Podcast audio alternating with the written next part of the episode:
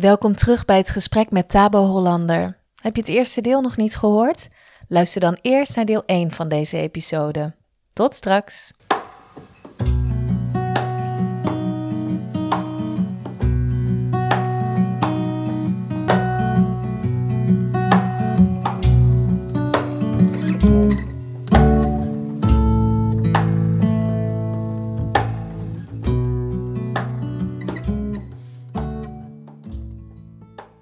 Wil eigenlijk nog wel iets meer inzoomen op die, uh, de, uh, de tradities. Als, we, als we zeggen tradities, dan hebben we het over nou ja, religieuze en spirituele stromingen, zou je kunnen zeggen. Um, ja, ik zou dat nog wel iets willen, verder willen verkennen, omdat wat ik hier interessant aan vind, is dat in onze tijd um, um, ja, zo weinig vanzelfsprekend is. Dus als ik mezelf zo, als ik naar mijn eigen proces kijk, er staat zoveel op losse schroeven. Uh, en dat is aan de ene kant, vind ik dat prachtig. En het geeft ook die speelruimte.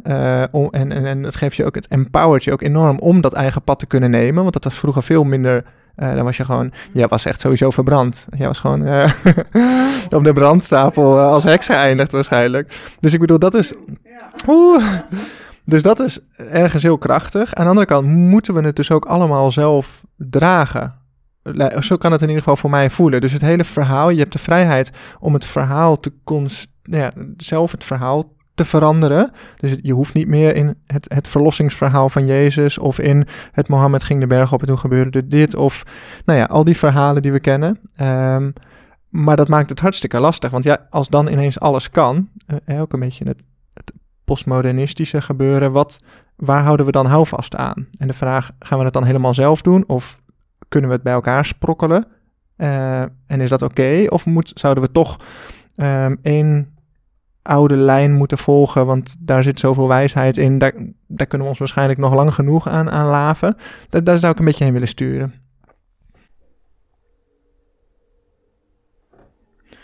Tabo, ben jij uh, religieus opgegroeid? Um, eigenlijk helemaal niet. Is meer uh, accuraat, denk ik. Um, ik ben eigenlijk kom uit een gezin uh, waar geloof of religie eigenlijk helemaal geen rol speelde. Dus het was niet zo dat mijn ouders daar tegen waren of dat, uh, hè, of dat de rest van de familie daar tegen was. Maar meer zo dat ze. Mijn ouders die legden altijd uit van ja, weet je, wat ik niet begrijp aan de wereld.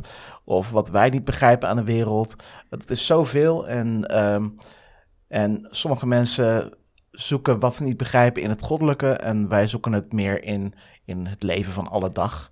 En, um, maar er is genoeg om, uh, om je in te verdiepen zonder je te verbinden met het goddelijke, zoiets. Ik denk dat een beetje de instelling was van mijn ouders. En wat voor soort dingen zijn het dan die je niet... Nou, wat mijn ouders belangrijk vonden of belangrijk vinden is uh, ja, dat je probeert goed te leven, dat je probeert goed te doen, dat je uh, mensen helpt, dat je eruit haalt wat erin zit, dat je probeert uh, ja, dat je de talenten die in je zitten, dat je die naar boven haalt en dat je daar uh, de wereld beter mee maakt. En dat doe je voor jezelf, dat doe je voor de wereld, maar dat doe je niet per se voor iets groters dan jezelf. Dus voor mij toen ik opgroeide was, was religie eigenlijk helemaal geen, geen, geen onderwerp voor gesprek eigenlijk. En spiritualiteit ook niet. En mijn opa die zei van, ik ben voor religie en voor uh, spiritualiteit op het moment dat mensen van elk geloof broederlijk naast elkaar in de kerk kunnen zitten zonder oorlog of zonder uh, haat of zonder. Uh, en, en, als die dag er is, dan zal ik erbij zijn. Dan zal ik me ook verbinden met het goddelijke. Maar zal tot die tijd, duren dan. dus tot die tijd niet. Dus ja. Ja. En jij, hoe, hoe stond jij daarin? Um, eigenlijk hetzelfde. Natuurlijk, als je opgroeit, dan neem je natuurlijk vaak de, de normen en waarden van je ouders over. Dus voor mij was dat eigenlijk hetzelfde. Uh, maar heel dubbel. Aan de ene kant uh, had ik heel veel vragen over de realiteit en over waar ik dan vandaan kom en wie ik dan precies ben en, en waar het leven echt om gaat en wat mijn doel in het leven is. Ja. Uh, dus dat was, dat was ook heel erg aanwezig. Hè? En ik was echt wel hongerig naar antwoorden en hongerig naar kennis over hoe de werkelijkheid in elkaar zat. Maar tegelijkertijd accepteerde ik ook gewoon dat ik daar geen antwoord op kon vinden. Uh, en accepteerde ik dat er niks groters was dan mijzelf. En zeker ook, de, ja, ik ging daarover nadenken. En ik dacht ook zelf van ja, maar hoe kan er dan iets goddelijk zijn als er zoveel lijden is in de wereld? Of hoeveel, hoe kan er, uh, hoe kan God liefde zijn als er, uh, weet je, leukemie is bij kinderen? Ik noem maar wat. Ja. Dus mm. dat waren ook dingen waardoor ik me meer ging richten op, op de op de fysieke realiteit, net zoals dat mijn ouders dat deden, en op de normen en waarden zoals zij dat deden. Even, eh, Jonathan, ik ben benieuwd. Uh, jij bent natuurlijk religieus opgevoed. Hoe was dat voor jou? Herken jij, zeg maar, de vragen die denk ik ieder kind heeft uh, over de dingen die gek zijn in de wereld? Bood geloof daar een soort sluitend antwoord op? Had jij een soort kloppend wereldbeeld als kind of toch niet? Ja, bij ons was dat wel een beetje duidelijk hoe de dingen in elkaar zaten en uh, waar ja, het leven is er om God te prijzen, basically. en ja. uh, daar, we komen ook daar vandaan en we gaan ook weer daar naartoe. Um, dus eigenlijk speelden sommige vragen ook helemaal niet bij mij, juist omdat er gewoon antwoorden waren. Um, ja, dat was gewoon, in ieder geval als je jong bent, is dat gewoon net als andere dingen, zo van 1 en 1 is 2 en God heeft de wereld gemaakt. Ja. Uh, ja. En op een zeker moment begint dat natuurlijk te knellen.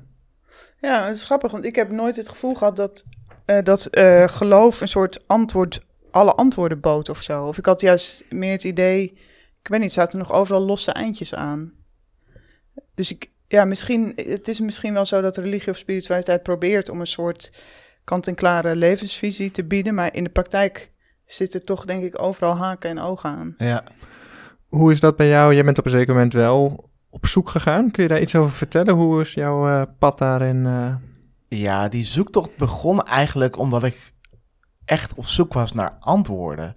Hè? En, en antwoorden op vragen die niet alledaags waren, denk ik. En dus als ik daarbij vragen had naar mijn ouders van waar kom ik vandaan, waarom ben ik, wat is mijn doel, waarom is de realiteit zoals die is, waarom is er lijden, waarom is er verdriet, waarom zijn er hè, emoties en al dat soort dingen meer, uh, dan hadden ze daar niet echt een antwoord op. Ja, de dingen zijn nou eenmaal zoals ze zijn, jongen. Ja. Weet je, maar dat was niet echt voldoende. Uh, dus en daar kwam bij dat ik ook heel gevoelig was. Dus ik zag bepaalde dingen die andere mensen niet zagen. Voelde bepaalde dingen die andere mensen niet voelden. En ik begreep daarom ook helemaal niet waarom dat was. En voelde me daar heel erg alleen in, eigenlijk een soort buitenstaander. En juist omdat ik met die vragen bleef zitten, ben ik op zoek gegaan naar heel veel kennis en, en, en wijsheid eigenlijk in heel veel verschillende tradities. Dus juist door dat gevoel van honger uh, en dat gevoel van, van onbegrip over hoe de wereld is, uh, was eigenlijk een katalysator voor mij om, om ja, aan de slag te gaan om, om meer kennis en kunde daarover te proberen te vinden. En dat heb ik gezocht in de wetenschap, in de kwantumfysica, de toegepaste theoretische fysica, maar ook in, in de Oosterse spiritualiteit, uh, Hindoeïsme, het Boeddhisme, maar ook in de westerse esoterische tradities of het christendom en al die dingen meer.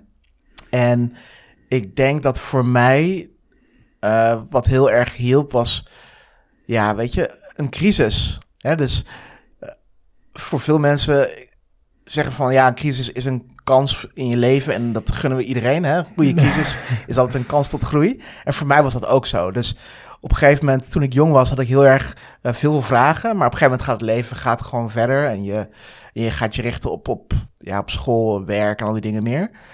En, um, maar die vragen, vragen bleven toch zitten.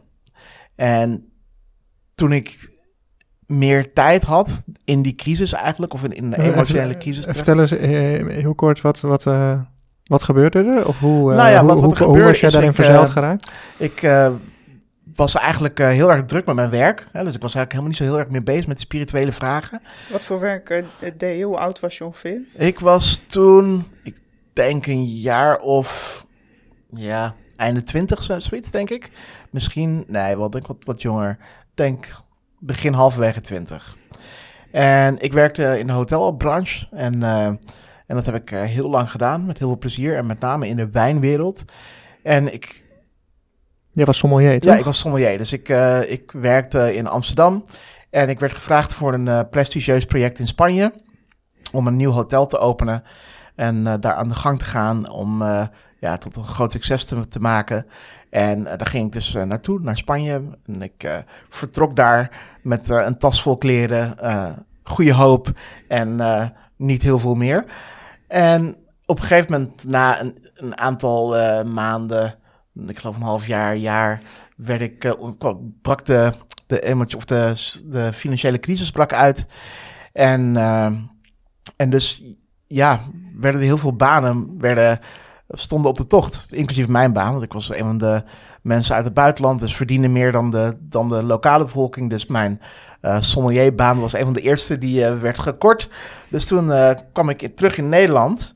En ook in Nederland was toen de, de economische crisis volle bak losgebarsten. Dus ik kon ook geen baan vinden.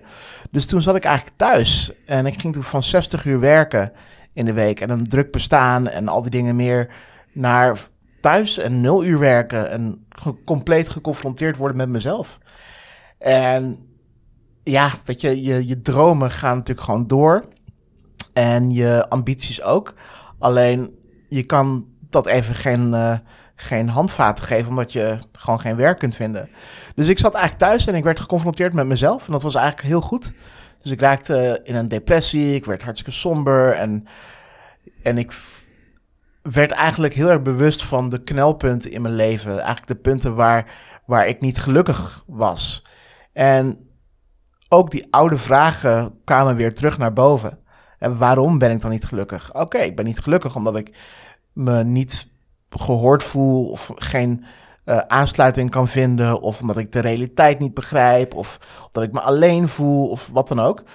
Um, en daarmee, met dat gevoel van onvrede, kwamen weer die vragen op van... oké, maar ik ben dus uh, verdrietig of ik voel me alleen... maar wat is dan mijn plek in het grotere geheel? En door die, door die crisis, um, ja, die interne crisis... Um, ben ik weer op zoek gegaan naar mezelf, eigenlijk. En op zoek gegaan naar de antwoorden. En uiteindelijk... Uh, meer gevoel dat ik die antwoorden heb gevonden op een bepaalde manier, denk ik. En, en hoe moet ik me dat voorstellen? Want het klinkt eigenlijk best heftig. Je komt van een soort, ik stel me voor, een soort uh, luxe bestaan uh, als uh, ja, ja. sommelier. 60 uur per week werken in een chic hotel. Ik stel me luxe voor, etentjes, feestjes. en dan, en jij beschrijft die crisis als iets wat je eigenlijk met vreugde begroette, maar dat zal toen niet zo geweest zijn. Nee, nee, toen vond ik het echt vreselijk. Maar dat is eigenlijk als ik terugdenk aan alle momenten in mijn leven die pijnlijk waren, als ik er later op terugkijk, waren dat altijd momenten van groei en kansen voor groei. Maar op het moment, ja, dan zit je gewoon natuurlijk in de ellende. En dan is het rampzalig. Is het gewoon rampzalig. En ben je toen, heb je daar in je eentje weer naar boven gevochten? Of waren er gidsen of mensen die je op weg hielpen? Ik denk een grotendeel in mijn eentje. En dat was ook heel erg nodig. Want zoals je zei, hè, want in het leven van, van uh, ja, wat ik leidde als sommelier en was met veel inderdaad uh, luxe en uiterlijk vertoon. En, uh, en dat was eigenlijk mijn realiteit. Dus ik, was, ik haalde mijn geluk ook uit de dingen die buiten mij waren. Hè, dus ik haalde mijn geluk uit, ja, weet je, goed eten, goede wijnen, ehm, leuke dingen, feestjes, reizen. Um, maar ik was compleet de weg eigenlijk met mezelf compleet kwijt. En in die crisis, wat die crisis mij bracht, was dat ik mijn focus ging verleggen van uh, de wereld buiten mij naar de wereld in mij. Dus in plaats van, want er was niks meer buiten mij om, om mijn geluk uit te halen in die zin. Weet je, ik had geen geld meer om, uh, om uit eten te gaan. En ik had geen aansluiting meer bij mijn vrienden en collega's die ook allemaal in dat vak zaten, omdat ik thuis zat en weet je, niet meer in die zin meedeed. Uh, dus dus ik moest wel mijn aandacht verleggen naar, naar wat er in mij speelde. En dat was eigenlijk heel goed. Dus door dat alleen werk te doen, door te reflecteren op de pijnpunten uh, en waarom dat was en waar het dan vandaan komt, uh, ben ik langzaamaan gaan veranderen. En ben ik uh, ja, echt proberen te worden wie ik echt ben. Proberen dichter te, te, gaan naar mijn kern, naar de essentie en proberen te leven vanuit wat er daadwerkelijk belangrijk is. dus niet meer vanuit extern en puur en alleen maar het eh, materialistische of hè, maar echt vanuit intern te leven en vanuit mijn hart en vanuit mijn eigen ja, waardes en mijn eigen pad te bewandelen daarin. Kun je een moment noemen dat je zeg maar in die depressie zat en dat je opeens dat, ik, dat je merkte, hé, hey, er is iets aan het veranderen of hé, hey, ik kom dichter bij Tabo of ik ontdek iets. Ja, ja, ik kan me dat nog heel erg goed herinneren. Dat was eigenlijk toen ik de ellende compleet toeliet. Dus toen ik Hè, want ik was eigenlijk nog steeds een beetje aan het managen, mezelf aan het managen van, nou weet je, het komt wel goed, straks heb je weer werk en heb je weer geld en dan kun je weer dit of dat of zus of zo. Maar eigenlijk op een diepere laag was ik proberen vast te houden aan het externe bestaan. Hè? Het leven vanuit, uh, vanuit die oude normen en waarden vanuit vroeger. Hè, van probeer een goed leven te leiden, probeer eruit te halen wat erin zit en probeer in die zin uh, succesvol te zijn. Maar dat vibede niet meer bij wie ik eigenlijk aan het worden was. Dus pas toen ik aan mezelf durfde toe te geven, ja, ik voel me alleen en ik voel me verdrietig en ik voel me, uh, ik, ik, weet mijn plek niet meer in de wereld en ik merk dat mijn eigen waarde zo afhankelijk is van mijn werk en dat heb ik nu niet meer draag ik nog wel bij? Ben ik nog wel belangrijk? Weet je, alle prestige viel weg, alle eer viel weg. Er was niemand meer die me aan het vertellen was hoe geweldig ik was. Er was alleen maar ikzelf en, en, mijn tranen en de ellende. dus ja, dus dat, dat, uh, en dat was eigenlijk heel goed. Dus ik werd gedwongen om weer naar mezelf terug te keren en, en aan mezelf toe te geven hoe ik er eigenlijk voor stond. En dat ik eigenlijk gewoon een mes was. En dat dat op elk vlak van mijn leven zo was. Emotioneel hing het met plakband aan elkaar. Financieel hing het met plakband aan elkaar. Uh, in mijn familieleven gingen er allerlei dingen die niet goed liepen. Um, ja, weet je, ik, ik had geen vriendin of geen partner waar ik mee kon verbinden. Geen werk. Gewoon op elk aspect van mijn leven had ik het gevoel stond op losse schroeven. En ik gaf dat toe aan mezelf en beter nog, voor mijn gevoel, ik gaf dat voor het eerst in mijn leven, denk ik, gaf ik dat over. Al die zorgen en al die onzekerheid. Ik, ik, ik gaf dat over aan iets groters dan mijzelf. Wat heel onnatuurlijk is, want ik ben niet zo opgevoed. Mm. Dus het was heel raar om, om eigenlijk uh, in gebed te gaan, soort van. En openlijk uh, mijn kwetsbaarheid eh, over te geven en te zeggen van ja, weet je, ik, ik, ik kan het niet alleen en ik red het niet alleen, want mijn leven hangt met plakband aan elkaar en ik heb me altijd gefocust op wat er buiten me is, maar nu wil ik me focussen op wat er in me is, maar hoe moet ik dat dan doen? En hoe kwam het dan dat dat de vorm kreeg van een gebed?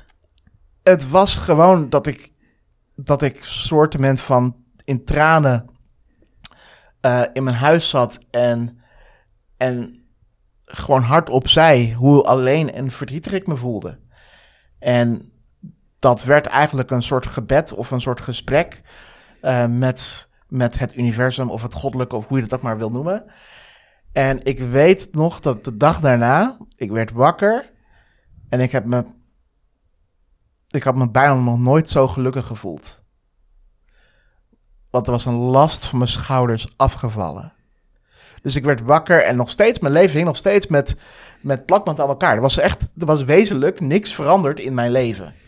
Er was alleen gigantisch, een gigantische verandering in mij geweest. Waarin ik nu vrij was van de ruis, van de ellende, van, uh, ja, weet je, van het in, in de duisternis zijn. En dat ik het licht in mezelf kon toelaten. En, en daarmee ook het geluk meer kon toelaten. En dat ik me besefte van, hé, hey, wie ik ben en mijn waarde in de wereld, mijn plek in de wereld, is niet afhankelijk van mijn werk. Is niet afhankelijk van, uh, van de normen en waarden van hoe ik ben opgevoed. Of, uh, maar is, is, is mijn eigen pad. Dat kan ik zelf vormgeven en daar kan ik zelf uh, mijn weg in vinden. Dus voor mij was die crisis was echt een fantastische kans om te groeien.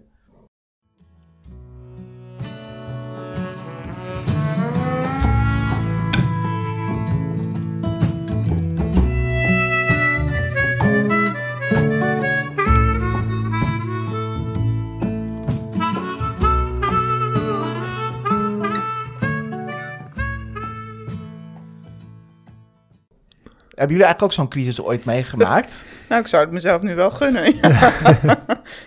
Jonathan? Ehm, nee, niet zo een plakbandcrisis. Wel in mijn studententijd, dat ik, ik kan me aan mijn studententijd herinneren dat ik me een periode best wel somber heb gevoeld. En dat ik dacht van ja, waar doen we het in, waar doen we het in godsnaam voor? Ehm, ja, waarom sta ik op? Waarom, maar waarom doen wij dit allemaal? Waar zijn we mij al mee bezig? Het is toch allemaal zinloos? Ehm, en dat verdween op een zeker moment volgens mij ook alweer een beetje. dus niet zo'n eh, dieptepunt met een kantelpunt of een catharsis gebeuren. Ja, ik moest wel denken aan ehm, toen ik eh, net studeerde, had ik een relatie met iemand en, en ik hing eigenlijk mijn hele ziel en zaligheid op aan die relatie. En eh, op een gegeven moment ging dat uit en ik, ik dacht echt, nou, nu, dit is het einde van mij, in ieder geval de eind, het einde van mijn wereld. Dus het, het eh, ja, het deed me heel veel. Ik was ook echt, zeg maar, ook wel echt heel somber toen. En toen vond ik mezelf opeens. Dacht ik, hé, hey, ik ben heel iemand anders gewoon op mijn eentje. En ik ontdekte opeens, hé, hey, ik vind mezelf zo, ik vind mezelf zo leuk. Of dit is een soort, Ja. was, ja. En ik heb wel vaker zo'n soort, ehm, dat ik dacht, ja, ik weet niet. Dus bij mij hangt het altijd een beetje samen met een soort negatieve gedachten die ik over mezelf heb. En dat ik dan opeens weer kan ontdekken, hé, hey, maar ik mag ook, uh, of dat ik mezelf daar opeens van bevrijd. En ik herken heel erg wat je zegt, dat opeens die gedachte van, hé, hey, ik mag mijn eigen leven vormgeven. Ja. En dat dat zo, um, dus los van wat iedereen op je plakt of van je verwacht, uh, het idee dat je, nou, dus dat, ook, dat dat ook je eigen verantwoordelijkheid is. En dat, dat, dat je die ruimte hebt. Dat is wel. Um... Ja, dat is echt een hele bevrijdende gedachte, hè? Ja. ja. Dat je. Het is ergens.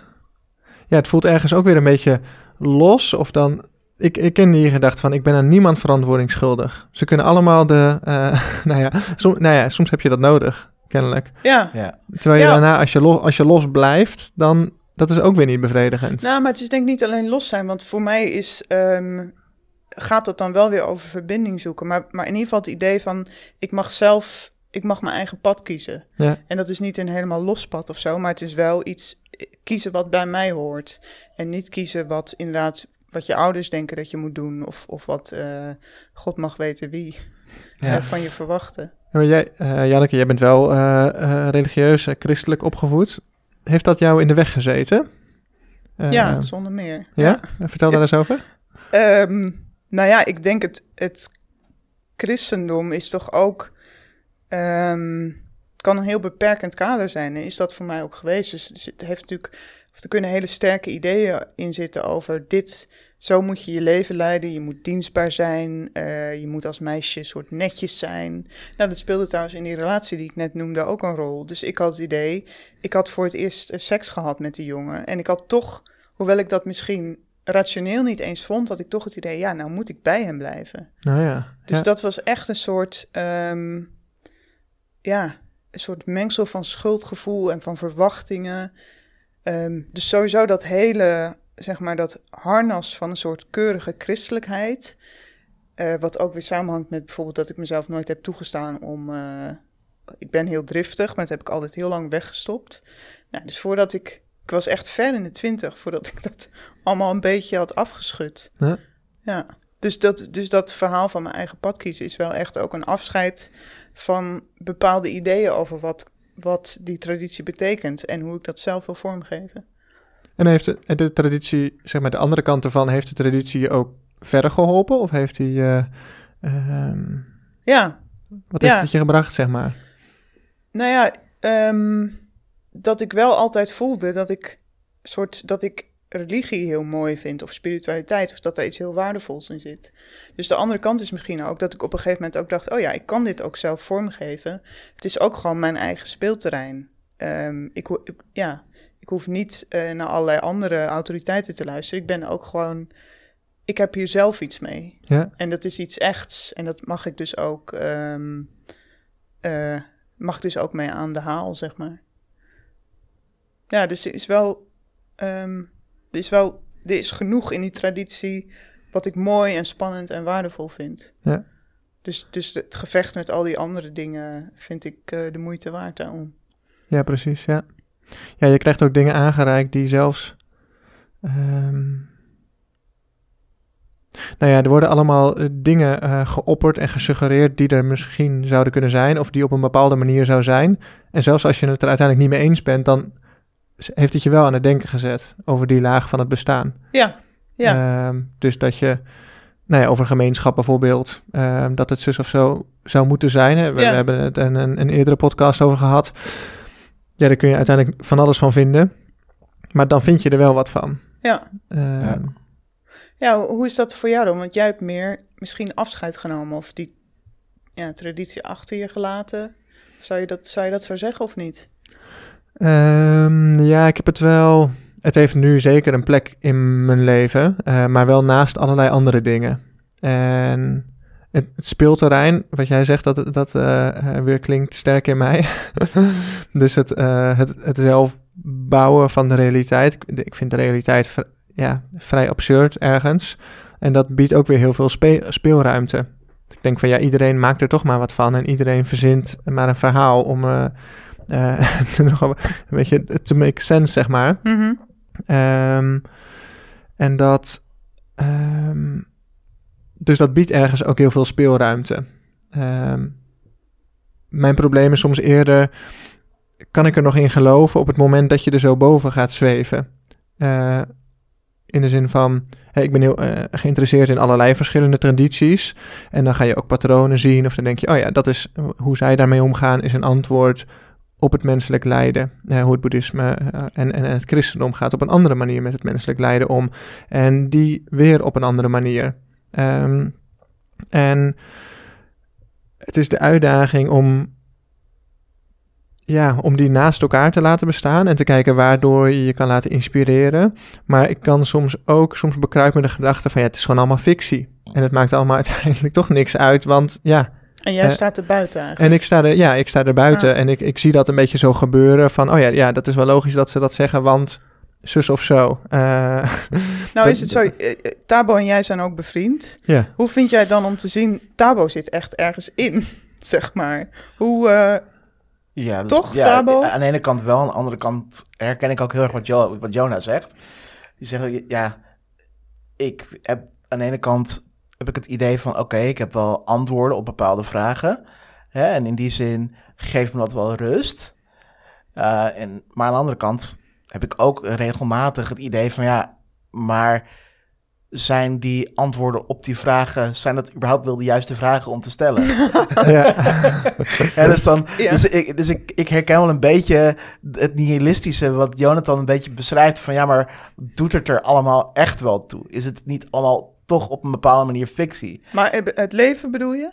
Nou, in die zin wel, ja. Dus ik, ik heb wel heldere antwoorden en heldere, eh, ook wel heldere vragen. Eh, maar aan de andere kant heb ik soms ook wel eens de gedachte van ja, oké, maar eh, wat, wat is echt en wat is echt ter doende zaken? En eh, hoe is dat toepasbaar in ons dagelijks leven van dag tot dag in het En, en moment? even concreet, nu, wat is nu echt? Wat doet er toe? Voor jou vandaag of deze week of zelfs nu? Wat er toe doet nu, is eh, om te zijn. Om gewoon in het nu te zijn. Dus gewoon door, het, door te leven en trouw te zijn aan wie je echt bent. En proberen in je dagelijks leven dat vorm te geven. Of hè, dus dat je trouw bent aan je echte essentie. Dus Maar, ook eh, al doet er, doet er iets. Hè, dus ook Ja. al kom ik morgen tot de conclusie dat eh, het allemaal dus toch fictie is. of dat het er allemaal dus toch niet toe doet. Ja? Hè, dan nog steeds kan ik me troosten met de gedachte van... oké, ik ben in elk geval trouw geweest aan mijn essentie. Maar dat is dan toch ook fictie? Ja, oké, dat is dat, dat zou dan ook fictie kunnen zijn. Maar dan kun je, kan ik me in ieder geval troosten met de, met de gedachte dat in het, de wetenschap dat het allemaal fictie is, dat ik toch een pad heb gekozen waarvan ik op dat moment dacht dat, dat het juist was. Waarin ik op dat moment dacht dat ik de wereld beter maakte dan, uh, dan dat ik de duisternis vervloekte, zeg maar.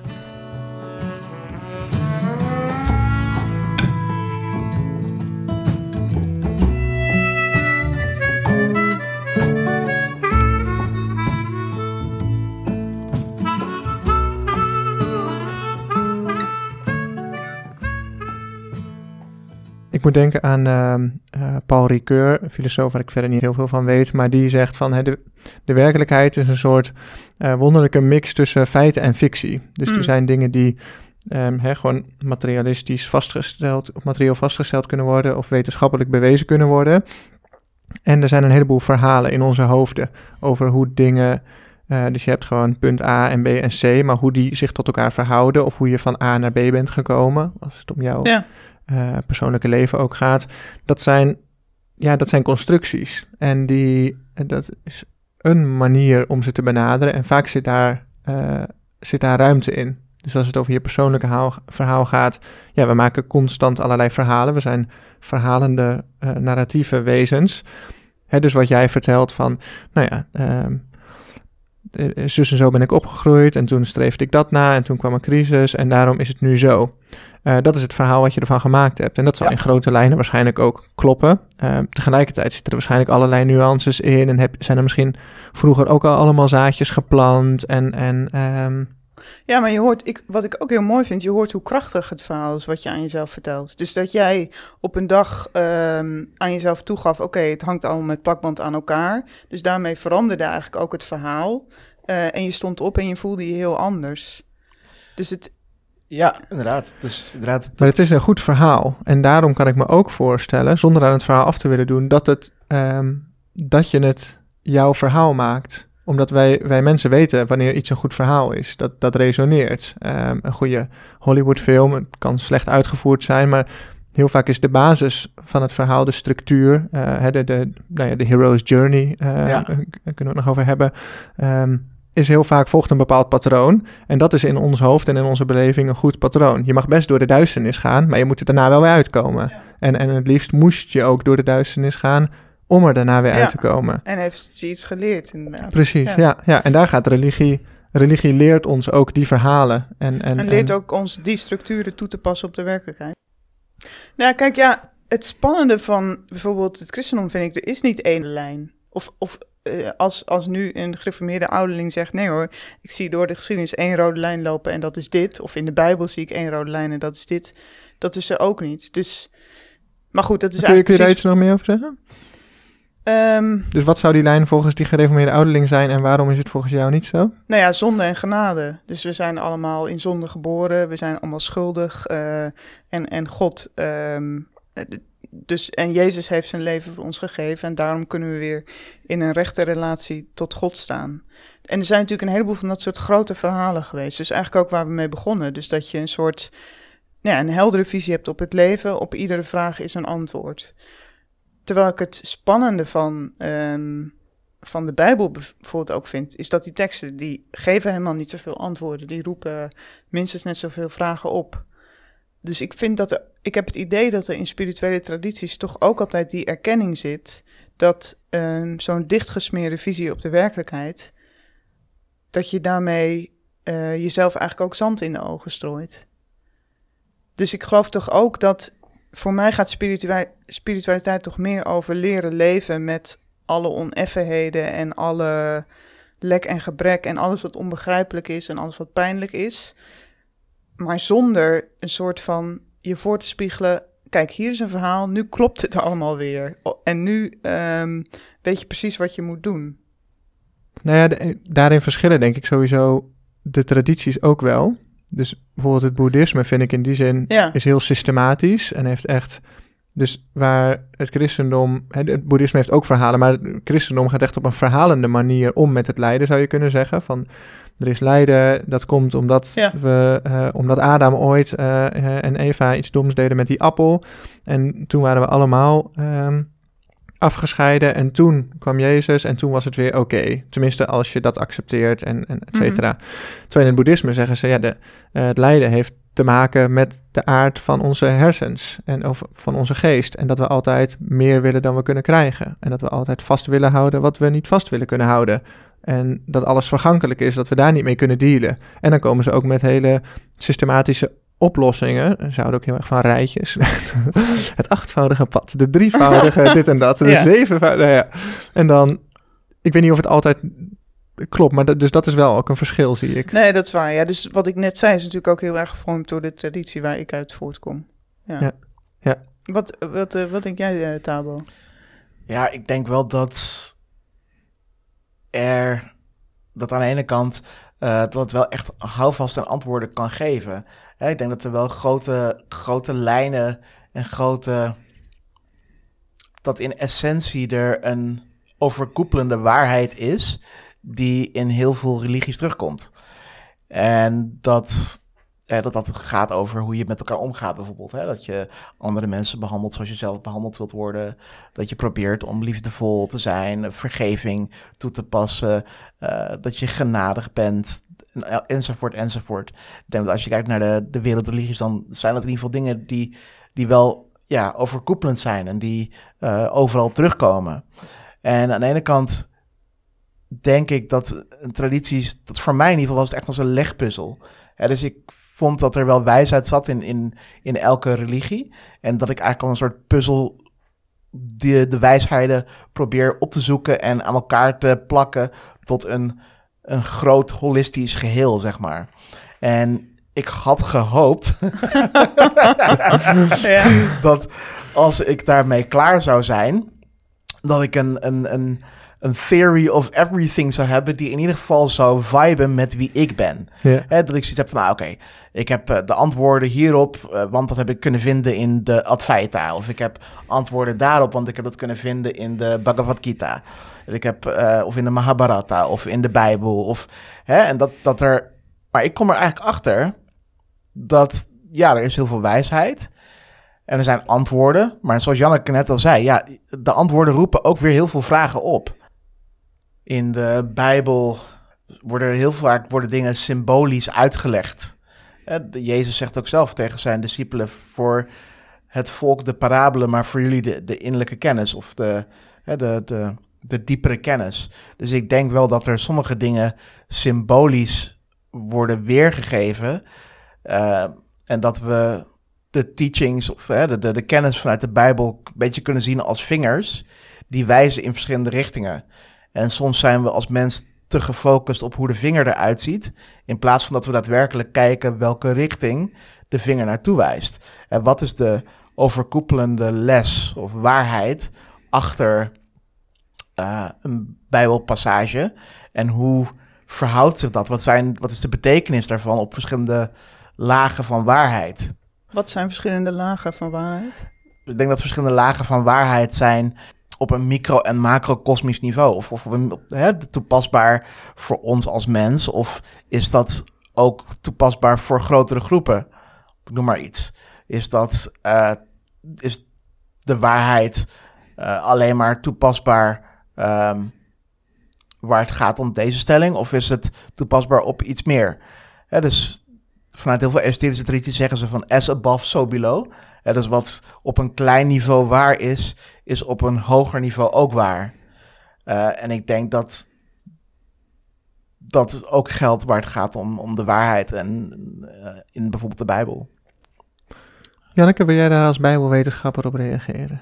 Ja, het is wel grappig. Ik denk dat ik heel anders kijk naar überhaupt waarheid in de Bijbel.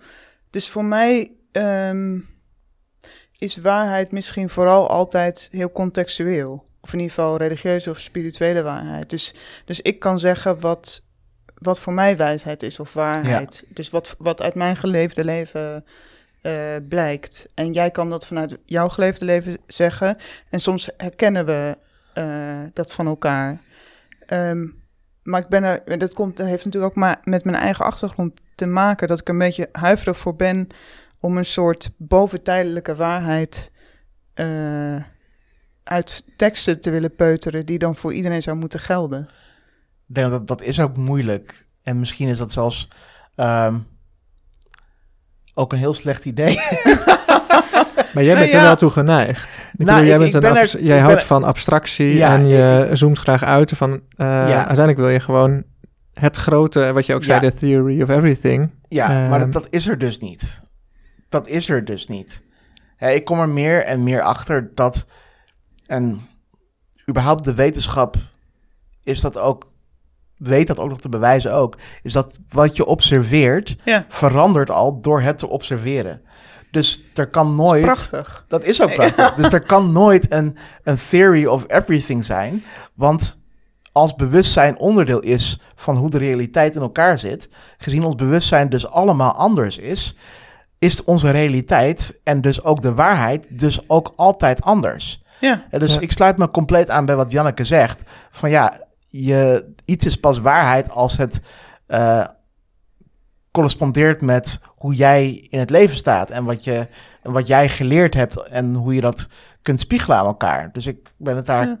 Compleet mee ja, dat sluit denk ik ook mooi aan bij de vraag die jij stelde aan het begin, eh, Jonathan. Dus dat we nu zo alleen onze weg moeten gaan, of, of, of je je eigen spirituele of religieuze weg vinden. En op een bepaald niveau denk ik, dat is altijd zo geweest. Dus je, hebt, je moet het je altijd eigen maken. Je kunt, het zijn dingen die je gewoon, misschien kun je ze op een oppervlakkig niveau van iemand anders aannemen en denken, nou zo zit het. Maar het wordt pas, het wordt pas waar, zeg maar, als het ook onderdeel wordt van jouw eigen ervaring en je eigen leven. En dat is, misschien is het wel zo dat er minder plekken zijn nu om dat vanzelfsprekend uit te wisselen. Dus dat je vroeger naar de kerk ging en dan kon je ervan uitgaan, nou mijn buurman die beleeft dit ongeveer net zoals ik. Of die heeft hetzelfde framework in zijn hoofd als ik. Ja. En dat we nu, nou ja, wij zitten hier nu met z'n drieën. eh Tabo zit met de Bhagavad Gita in zijn hoofd en allerlei tradities waarvan ik denk, oh, ik weet het niet. Ehm, ik begrijp het niet. Dus dat, dat, dat het misschien meer moeite kost om elkaar te vinden. Ja. En ook minder vanzelfsprekend is om ehm, dat soort dingen met elkaar te delen. Ja, denk om nog even terug te komen op wat jij net zei, eh, Janneke. Ehm, ik ben het daar wel heel erg mee eens. En ik denk ook dat het misschien een beetje anders is waar we nu zijn als mensheid. Tot waar we waren, zeg maar, in de, in de middeleeuwen of daarvoor. Ik bedoel, we zijn nu, is ons bewustzijn ook, denk ik, zo dat we ons van nature ook dingen afvragen. Dat we meer vragen hebben. En dat misschien vanuit de middeleeuwen, hè, dat weet ik niet precies, maar ik kan me zo voorstellen dat daarin de noodzaak voor een traditie en de noodzaak ook voor eh, een externe bron die een helder structuur neerzet van hey, zo zit de wereld een beetje in elkaar, zo zou je moeten leven, dat dat heel erg, eh, heel erg nodig is en heel erg eh, handig is of handig kan zijn om, om in die zin eh, een, een framework te hebben of houd, houvast te hebben van oké, zo zit de wereld een beetje in elkaar. Als je dit doet, kun je dat verwachten. Probeer goed te leven en al die dingen meer. Omdat de wereld bedreigender was en het Ja, leven lastiger. Dat denk ik wel. Ja, maar ik denk dat waar we nu zijn, eh, dat we ja zeker dat eh, als je kijkt naar de existentiële filosofen als eh Soren Kierkegaard of enzovoort, eh, dat, dat we heel anders naar de, werkelijkheid zijn gaan kijken en dat we nu dat het veel belangrijker is om zelf onze eigen mening en conclusie te vormen van wat wijsheid is, wat juist is, wat goed is om te doen. En proberen vanuit die wijsheid een goed leven te leiden. Maar dat, dat het in die zin eh, net zo belangrijk is om je eigen conclusie te vormen en je eigen waarheid en wijsheid te vormen. En dat je daarin een structuur van een traditie heel goed kan gebruiken als misschien een startpunt of een basispunt. Maar dat het wel slim is, verstandig is om eh, niet zomaar blindelings dingen aan te nemen, maar echt zelf je conclusies te vormen en echt je eigen pad daarin ook te bewandelen. Ja. ja, hoewel ik tegelijkertijd denk, de wereld is nu ook behoorlijk onzeker voor een hele hoop mensen. Dus al die conspiracy-theorieën die, die opkomen, laten denk ik toch ook zien dat het heel moeilijk is om je, Ja. je eigen standpunt te vormen. Ja, het accuraat waarnemen van, van wat waar is en niet waar is, Ja, is gewoon een super grote uitdaging. En ik, ja, ik vind dat zelf ook heel moeilijk. Want je krijgt zoveel informatie tot je. En hoe kun je valideren wat accuraat is en wat niet. Ja, Voor een groot deel zijn we daar helemaal niet toe in staat. exact. Voor een groot deel kunnen we dat helemaal niet. En, en zeker nu, ja, weet je, het is hartstikke onzekere tijd. Iedereen, heel veel mensen zijn bang. Dus als ik nu ook kijk naar bijvoorbeeld eh, mijn Facebook-vrienden, nou, dat, ik schrik daar echt van. Hoeveel mensen daar in de conspiracy kant op gaan, eh, bijvoorbeeld. Ja, of, of hoeveel mensen blindelings adviezen volgen van eh, de gevestigde orde, vind ik ook zorgelijk. Dus allebei vind ik zorgelijk. Ja. Dus de noodzaak tot accuraat proberen waar te nemen, te valideren, te reflecteren en te kijken van oké, is dat waar en hoe dan en hoe Maar dat heeft- is, ik, is vind dat, lastig. ik vind dat heel interessant, omdat. ehm, dus als je al vanuit. Iedereen, ja, oké, mijn geschiedenisleraar noemde dat standplaatsgebondenheid. Nou, dus iedereen heeft een bepaalde positie, een bepaalde maatschappelijke positie, eh, religieuze opvoeding in de tijd en cultuur. En dat, is je, dat vormt je perspectief op de wereld. Eh, dus je kan daar niet zonder. Ehm, dus ergens, als je het hebt over accuraat waarnemen, dan zou je er ergens nog veel meer buiten moeten staan, heb ik het gevoel. Ehm, Dus minder, minder verhaaltjes eh, of verhalen. En, en, en, en dan zou je, denk ik, een hoop helderder kunnen zien. Aan de andere kant zijn wij die menselijke wezens die kennelijk verhalen nodig hebben, die kennelijk betekenis moeten geven aan allerlei dingen. En ont- lijkt het soms alsof je er niet aan ontkomt om dat op een verhalende manier te doen. Ja, En toch weer verha- verhalen moet eh, creëren om zin en betekenis eh, te vinden en, en, en ook om het over te dragen eh, aan andere mensen. ja. Ehm, dat, vind- dat is een hele dubbele eh, positie. Er, Nee, ja, precies. Dus die standplaatsgebondenheid is ook wat je uniek maakt en maakt het leven rijk. ja. Maar het is ook wat je bevooroordeeld maakt en Ja. blind voor de positie van anderen. Ja.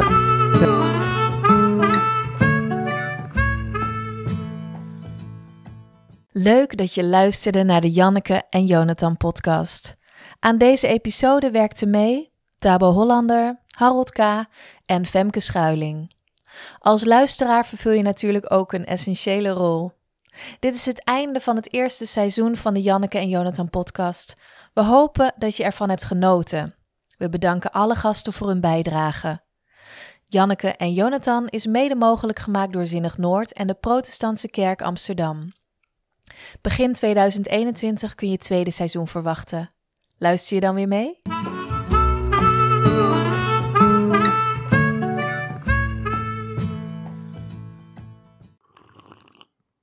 Mm. Mm. Tabo trekt een mondje. Wat, Hij kijkt eh, bedachtzaam. Oh, wat proef je? gelukzaligheid. Het goede leven in Ja. een glas. Heerlijk. Heb je het etiket gezien, even van tevoren? Nee, Alright. nee. Ik pak de fles er even bij, dan kan ik controleren. Wat, eh, wat, eh, Oké, is goed. Oh, dit vind ik echt spannend. Moet ik mijn ogen dicht houden? Oké. Hmm, Wat wil je weten? wat, eh, nou, nou, gewoon, wat, pro- wat proef je zo? Wauw, Het is, het is geen test. Het is wel een beetje een test natuurlijk. Wat, eh, wat proef je? Hmm. Dat is interessant, want eh, het heeft best wel wat zuren, maar ook wat alcoholpercentage. Dus eh, als Ja, ik, eh zit wat concentratie in, wat rood fruit, geen hout. Doet denken aan Italië.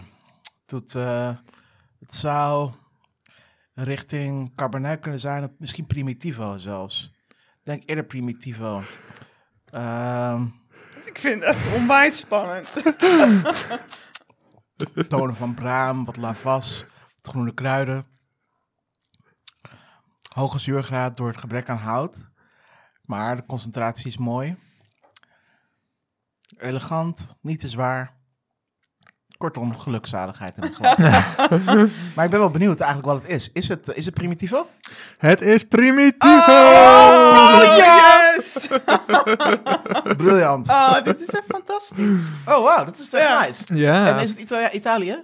ja, ja, uit Puglia. Fantastisch. Ja. Blijkbaar kan ik het toch nog steeds een klein Ja, beetje. inderdaad. In te huren voor al uw feesten en partijen. Professioneel alcoholist.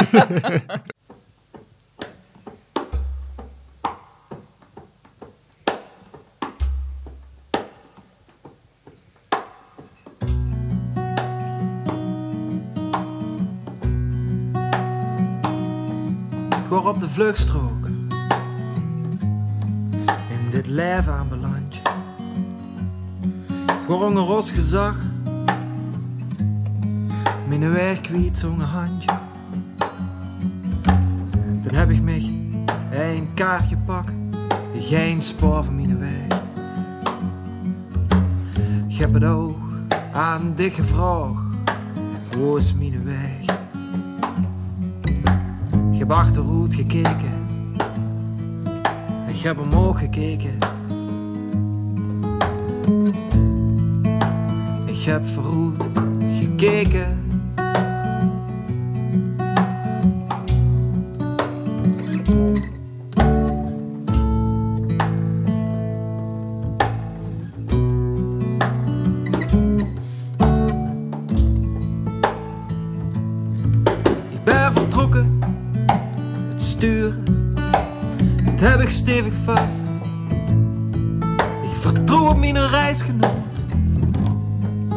Ik heb een innerlijk kompas, dat zei het.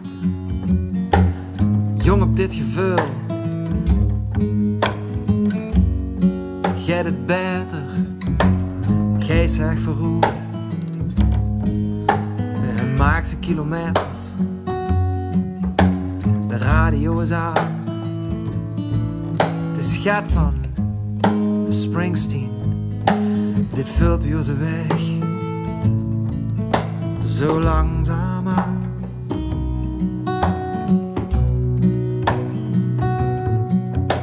En ook al kent ze neer.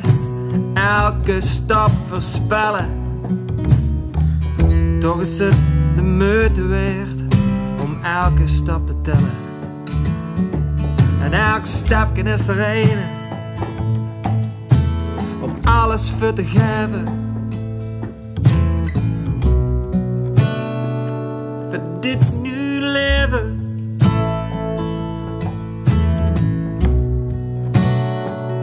Voor dit nu leven.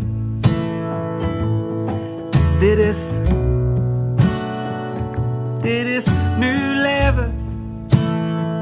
Dit is leven.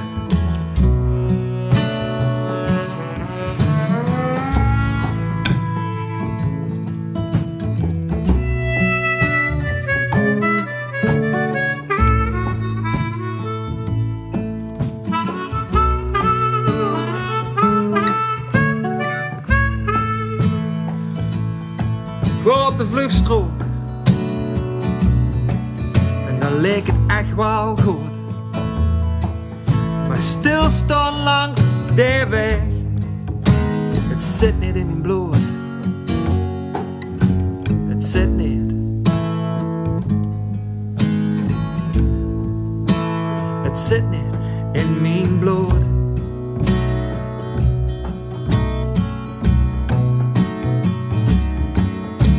En ook al kent ze niet elke stap voorspellen. Toch is het de waard om elke stap te tellen. En elk stapje is er een